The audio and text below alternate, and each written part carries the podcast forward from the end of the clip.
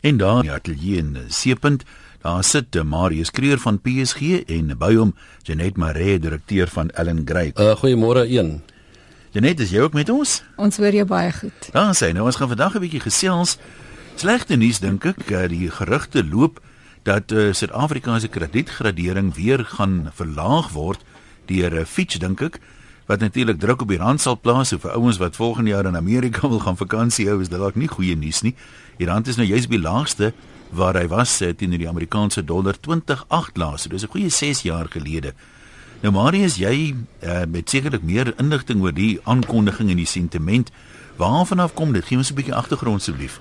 Ja, ehm um, Richard Fox, hy is die hoof van die graderingsagentskap Fitch vir die Midde-Ooste en Afrika. Hy het in Londen het hy uh, sy kommer uitgespreek oor Suid-Afrika se skuldvlakke wat tans 48% van ons binnelandse produk is. Uh hy natuurlik ook baie bekommerd oor die regeringsinstansies se vermoë om hulle skuldverpligtinge na te kom. Een van die dinge waarna waarna hulle kyk wanneer hulle hierdie gradering vir die regering maak is om te kyk hoe lyk die regeringsinstansies tipies soos Eskom, uh hoe se hulle finansies uh kan hulle hulle verpligtinge nakom? Hy hy sê is baie bekommerd daaroor. En hulle vooruitskatting is dat hierdie uh skuldvlakke wat tans 48% is van bruto binnelandse produk kan verhoog na 50% toe in 2016. Ehm um, en dit maak natuurlik dat het, hulle het nou die einde van hierdie week het Fitch en S&P het hulle graderings uh vergaderings en ons sal dan nou seker aan die einde van die week hoor wat het hulle besluit. Maar is nou 48% klink hoog. Is daar 'n soort van 'n band waar binne dit verkieslik moet wees? Wat sou wat sou die norm min of meer wees? Ek het nie heeltemal die band of die of die norm nie. Hulle het net gesê op die stadium is dit uh, in vergelyking met die ander lande wat ook 'n triple B ja. gradering het, is is ons heeltemal uit lyn uit. So uh, ek dink dit uh, die afgelope klompie jare het daai het daai verpligting meer geword en ek dink ook as 'n mens kyk na die feit dat die regering nog altyd moet geld leen vir sekere projekte en uh, ook geld leen vir uitgawes op die stadium lyk dit nie asof dit gaan verbeter nie en dit is natuurlik ook slegte nuus vir belastingbetalers want uh, die regering op 'n manier hoe hulle daai hoe hulle ja. geld kry is hulle, hulle moet belasting verhoog. Ek het net gister in die nuus gelees dat ehm um, uitvoere is ook hoër as invoere ongelukkig. Ja, ek dink uh wat gebeur het met die stakings hierdie jaar uh wat net natuurlik ons mynbou seer gemaak. Mm en uh, produksie was nie wat dit moes gewees het nie. So daai uitvoere het ons het ons verloor. Ons het natuurlik ook daai belasting verloor wat die regering sou gekry het indien daai produksie daar gewees het. So dit dit is 'n dit het ek dink ons ekonomie baie seer gemaak hierdie klomp stakings wat ons hierdie jaar gehad het. Ehm um, en dink geen land kan bekostig dat jy 'n industrie vir 3 maande om te toemaak nie. So uh, ons ons vanoggend gehoor dat ehm uh, maatskappye soos Kumba en en ehm um, Anglo American uh plus minus 30% op 'n sekere gedeeltes van hulle van hulle maatskappye en myne gaan 30% uh, van hulle personeel af lê en hulle dan pakkette aangebied. So dit is uh dis alles negatief. En ons sit in 'n situasie van indien ons 'n afwaartse gradering kry, dan is ons basies een gradering weg van die sogenaamde junk bonds. Nou ons staatseffekte is deel van die internasionale um effekte indeks. Wat beteken dat indien iemand daai indeks koop, moet hulle ons effekte koop. As ons na die junk bonds toe gaan, dan beteken dit dat ons sal uitval uit daai in daai indeks uit.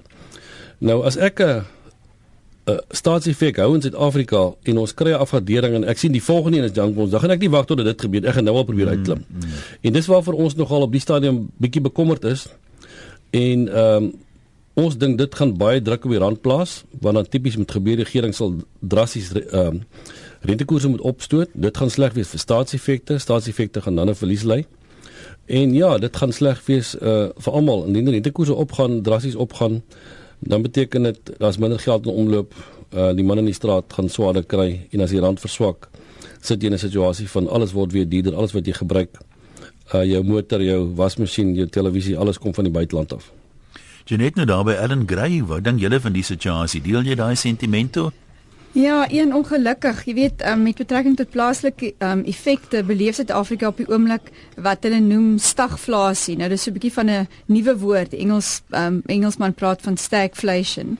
En al wat dit maar basies beteken dit is dat 'n swak um, ekonomie en geweldige inflasionêre druk um, wat deur die verswakkende rand veroorsaak word En in die situasie is dit baie moeilik om 'n monetêre beleid te bepaal, want die ekonomie is te swak om rentekoerse te verhoog terwyl inflasie te hoog is om 'n verlaging in die rentekoerse toe te laat. Jy weet, so jy's so bietjie tussen 22. Dis hy is tussen die die duiwel en die die, die blou see soos ja. hulle sal sê.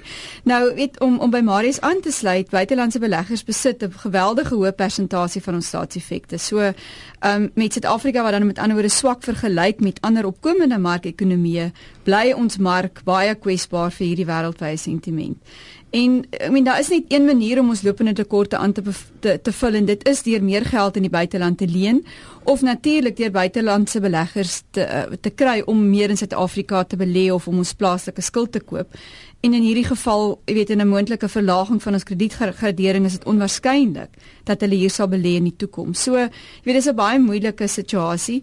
Nou, ehm um, soos jy net nog gesê het ook, jy weet die rand het gister tot sy laagste vlak gedaal. Ehm um, uh, gisteraand dink ek was dit so R11.54 teen die teen die Amerikaanse dollar.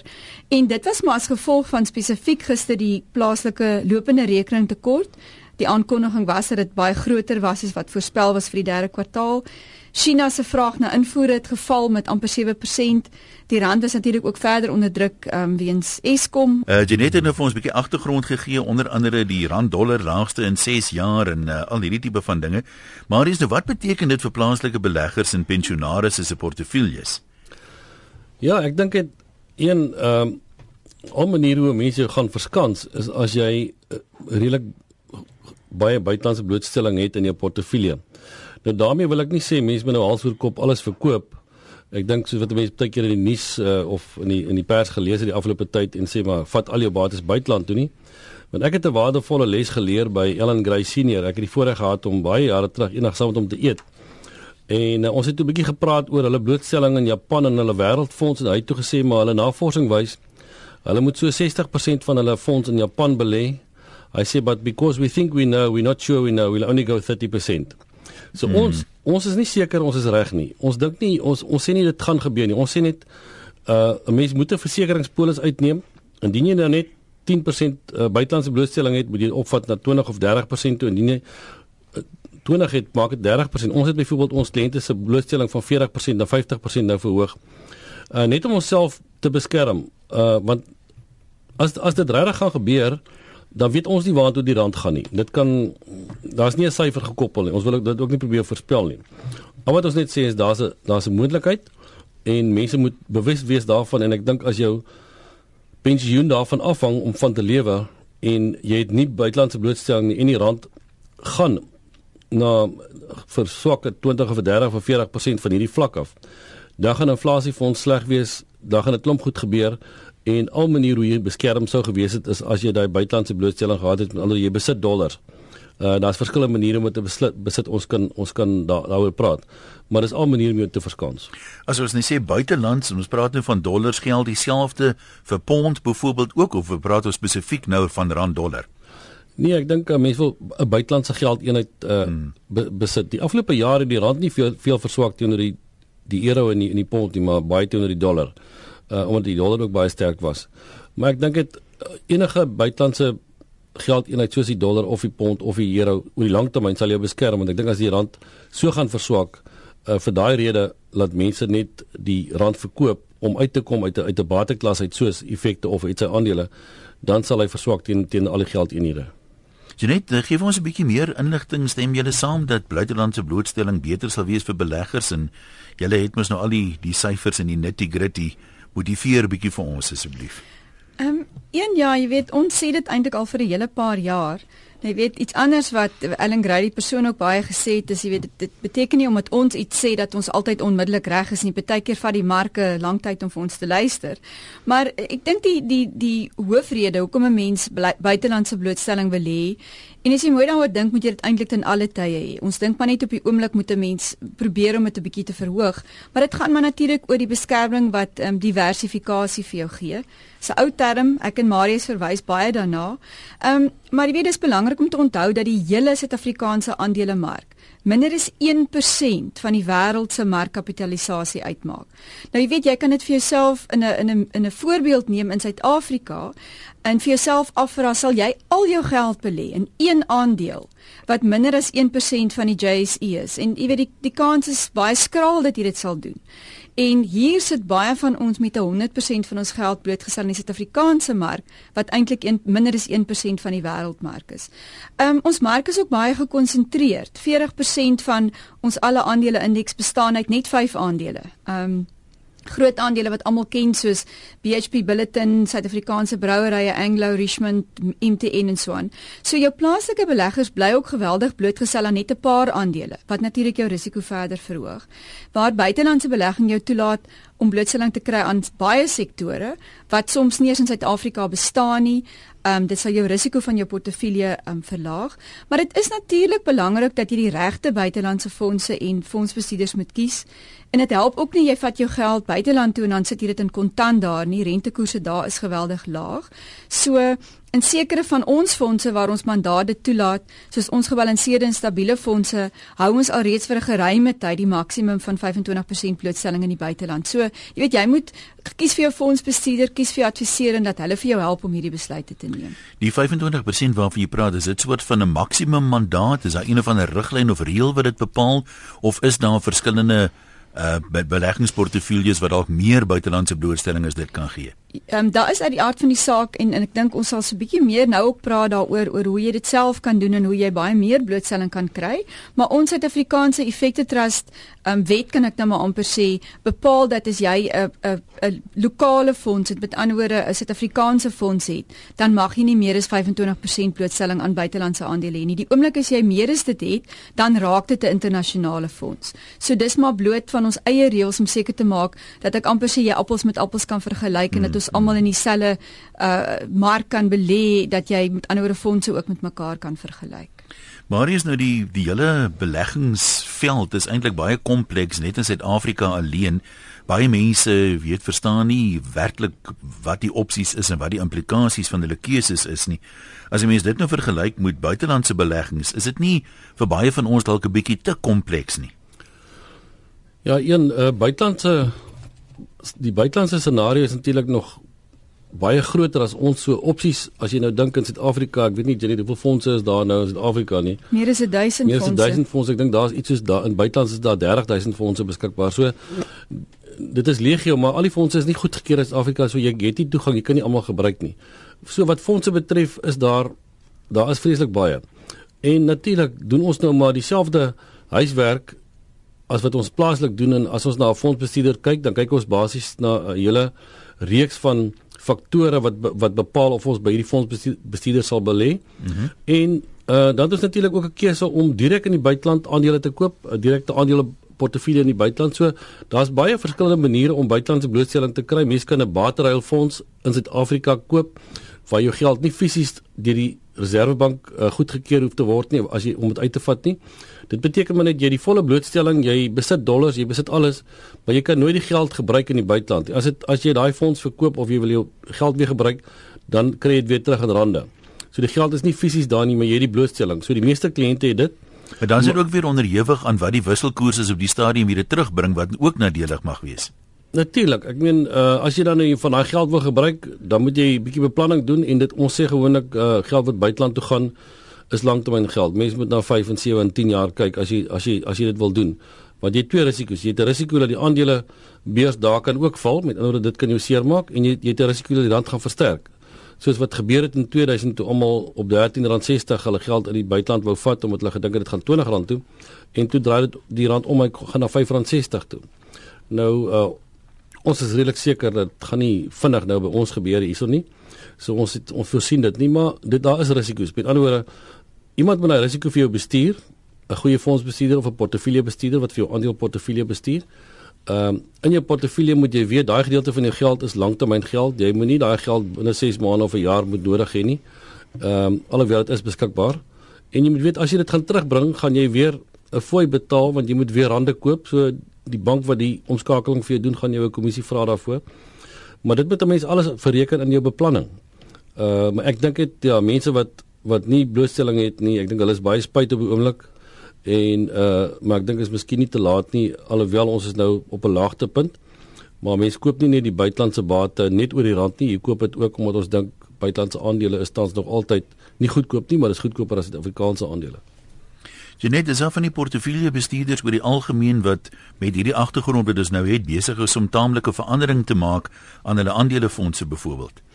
Ehm um, een ja, toevallig vra jy nou, ons het verlede week het ons ons briewe uitgesien na ons kliënte toe en ons aandelefonds Ehm um, dink ons nou al 'n geruime tyd daaraan, maar maar ons ons besef dat as ons gaan kyk na al die kliënte wat by deur Ellen Gray vir al op ons platform belê, dat kliënte eintlik 'n geweldige lae buitelandse blootstelling het. Met ander woorde, wat ons vind is dat uh, ons voel as fondsbestuurder moet ons eintlik daai rol begin vervul. So ons gaan in die toekoms ons aandelefonds um, gaan ons verander om outomaties vir ons die maksimum van 25% toelaatbare buitelandse blootstelling te kan gee. Met ander woorde, ons waarborg nou nie ons gaan altyd op 25 wees nie, maar ek kan jou waarborg op die oomblik gaan ons probeer om om maksimaal daarvan gebruik te maak. En dan ook deesdae kan 'n mens tot 5% van jou uh, van jou fondse ook in Afrika belê. Ek wil jous vir jou um, vra wat mense hoor jy lees dikwels van maatskappye soos MTN onder andere na wie ons net nou verwys het wat taamlik aktief is en hulle uitbreidingsgeleenthede noordwaarts in Afrika uh, probeer benut. Ja wel, as ek vir jou moet sê ons en en, en dis nie algemeen bekend nie, maar maar ons het heelwat Afrika fondse geloods in die laaste ruk. Um, ons is besig om te kyk na na Kenia, Nigerië. Nigerië bied geweldige um uh, opsies vir ons, geleenthede vir ons. Ons weet die Nigeriese mark is is is baie sterk en teenoor hulle ekonomie dink ek is nou groter is is as ons in of sterker is ons in 'n vinnig meer vinnig groeiend. Botswana bied baie interessante geleenthede. Um so ons het so rukkie gelede, jare wat gelede het ons begin om fondse te loods wat spesifiek net in Afrika belê en daar's geweldige goeie geleenthede. So uh, wat wat sê ons nou vir mekaar? Wat is die wat is die bottom line soos die Engelsman sê? Met 'n ouma praat met um, jy weet jou finansiële adviseurs en dat hulle vir jou spesifieke voorstelle maak? Want ek dink dis die probleem met baie van ons gewone ouens. Die opsies is net so baie.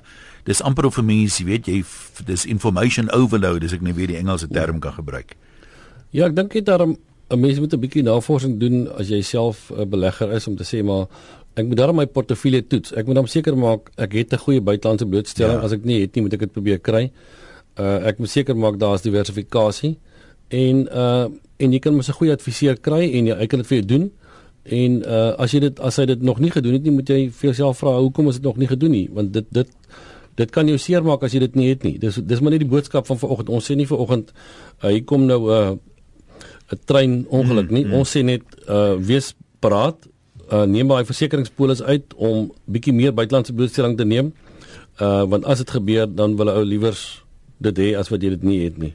Ek het 'n of twee vinnige vragies hier van luisteraars wat verband hou met waaroor ons praat dat ons miskien net 'n bietjie meer lig op kan werp. Uh, iemand vra hier Janet, jy het nou verwys na die fonds reëls. Nou vra die persoon, wie bepaal hierdie fonds reëls? Is dit julle of is dit van 'n owerheidswee? Hoe moeilik of maklik kan 'n mens dit verander om byvoorbeeld in die toekoms hoër te gaan as 25%? Ehm um, ja, weet ons het 'n wet wat ons beheer, die sogenaamde Collective Investment Schemes Act. So ehm um, dit is maar die die wet op effekte trust as ek dit so kan stel. Nou, jy weet dis nie 'n wet wat wat wat geweldig baie verander of gewysig word nie. En en die luisteraar kan ook onthou dat dat um, ons het 'n reeks, almal van ons ons fondsbesitters het reekse Suid-Afrikaanse plaaslike fondse. Nou dis maar die reël wat geld vir jou plaaslike fonds. Ons self, ehm um, ons is PSG, baie van van ons van, selfs van die van die plaaslike maatskappye fondsbesitters het werklik uh, fondse wat ook 100% in die buiteland belê. Ons het 'n sustersmaatskappy in die buiteland met die naam Orbis. Ehm um, so met ander woorde wanneer ons in die buiteland belê, maak ons van van Orbis gebruik.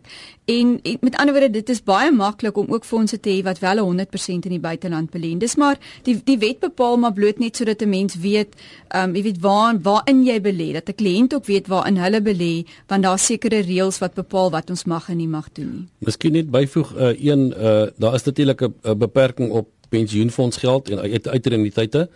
Die regulasie 28 ehm um, wetgewing sê basies dat jy mag nie meer as 25% van daai portefeulje in aandele hê nie. So en ook in die buiteland. So daar kan jy nou nie as jy uitreniteit het of jou pensioenfonds, hulle kan nie 100% in die buiteland wees nie. Maar as jy 'n lewe aan die tyd het, met ander jy reeds afgetree, trek 'n pensioen, Daai dit kan 100%, daar's eintlik geen beperking. Jy kan aandele hê 100%, 100% buitelands.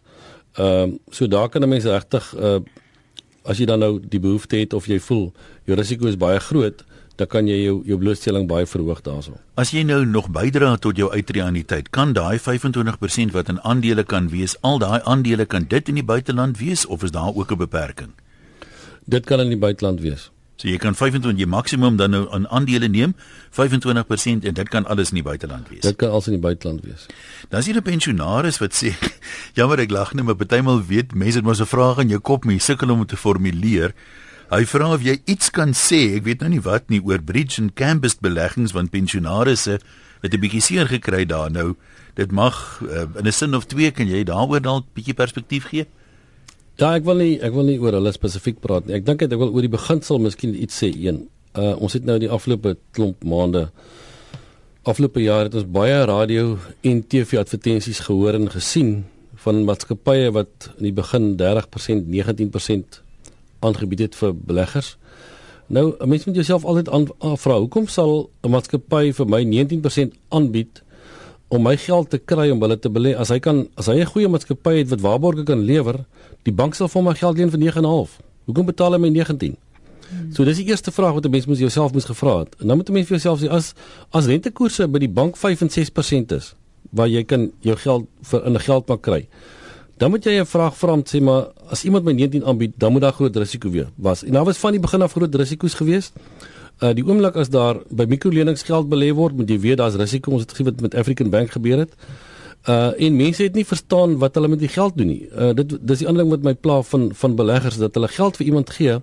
Hulle verstaan regtig nie wat hulle met die geld gaan doen nie. Hulle hoor net daar's iewers 'n waarborg en daar's iewers 'n persentasie wat wat beloof word en die woord waarborg is dan nou is hulle meer gemaklik en ewe skielik kom hulle agter met die waarborg beteken nou niks. Daai mense kan nie hulle geld kry nie, beteken nou 6% waar hulle 13% gekry het.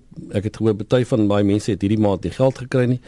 So dis so seer in ons eie dorp in George het ons met 'n klomp mense wat belê het in baie van hierdie maatskappye en die afgelope maand is dit is dit regtig 'n hartseer storie. Mense moet uit hulle huise uittrek. Ehm um, en een ek weet net nie wat moet mense nog sê nie. Ons het al so baie oor hierdie goed gepraat. Daar is al so baie mense seer gemaak en is al gevang en dit gebeur maar net oor en oor. Ja, en die ander hartseer ding is ehm um, jy weet ons het nou jy het vroeër gepraat jy net ook van diversifikasie, maar as mense nou so 'n geleentheid kry, dan gaan leen hulle geld dikwels om te belê, verkoop sekere bates want hulle wil nou maksimum munt slaan uit hierdie geleentheid wat van die begin af te goed was om waar te wees. Ja, of hulle vat al hulle al hulle spaargeld of al hulle pensioengeld en sit dit daarin en natuurlik is dit nou baie lekker in die begin as 'n mens daai daai uh, rente kry en baie keer begin mense klein en as hy sien dit werk die eerste 6 maande dan voel dit vir hom nee maar die ding werk. Hoekom sou hy nou nie meer insit nie? En baie van hierdie skemas vat nie 'n jaar om om te val nie. Baie keer van ons het gesien in die verlede baie van hierdie eiendomssyndikasies het 7 8 en 10 jaar gevat. Uh maar die van die begin af was die resep nie reg gewees nie. En uh van 'n adviseurs en dit kan ek ook maar sommer noem het byvoorbeeld 6% gekry van die 19 en die kliënte 13 gekry. Nou om 6% 'n jaar te kry ek moet met die meeste van my kliënte 12 jaar werk om 6% te maak uit. Ja. So en om 6% 'n jaar te kry, moes mense dan geweet het jy iemand is gulsig hierso. Ehm um, gee my dan liewer my hele 19 as ek dan soveel risiko vat of gee my 18 vir die 19. Maar ja, daar's 'n klomp daar daar's 'n klomp slegte goed en ek hoop net die FSB raak betrokke en en skud hierdie maatskappye uit en ook die adviseurs wat daarbey betrokke was. Ja, dis al waarvoor ons uh, gaan tyd hê uh, vanmiddag. Slotopmerking dalk van jou kant af Janet? Ehm um, een ja baie dankie. Ek ek meen ek wil maar net by Marius aansluit daarom te sê weet is as jy nie verstaan presies wat dit is wat jy koop en wat die bate is wat agter so tipe belegging sit soos soos waarvan ons nou gepraat het nie, ehm um, wees versigtig. En jy weet ek dink dis maar net altyd die belangrikste as jy nie verstaan wat dit is nie. As dit nie 'n gebou of 'n ding is waar jy kan verbyry en sien hier's die maatskappy en wie ek belê het nie, wees maar baie versigtig. Ja, maar ek sê vir julle baie dankie Marius. Ehm um, Mense wat wil skakel, RSG Finansies moontlik gemaak deur PSG Wealth, Silver Lakes en George Central en hulle kan vir Marius Kreer skakel. Maak net seker die nommer is reg 086 134 8190. Is dit hy? Dis hy een. 086 134 8190. Hulle kan ook vir my e-pos stuur uh, een marius.kreer@psg.co.za. Uh, ek kan ongelukkig nie help met hierdie ander skemas nie as mense nou daar probleme het. Ek kan nie betrokke raak daarbey nie. Uh, ek kan ongelukkig nie help daarmee nie. Ek het dit nooit verkoop nie.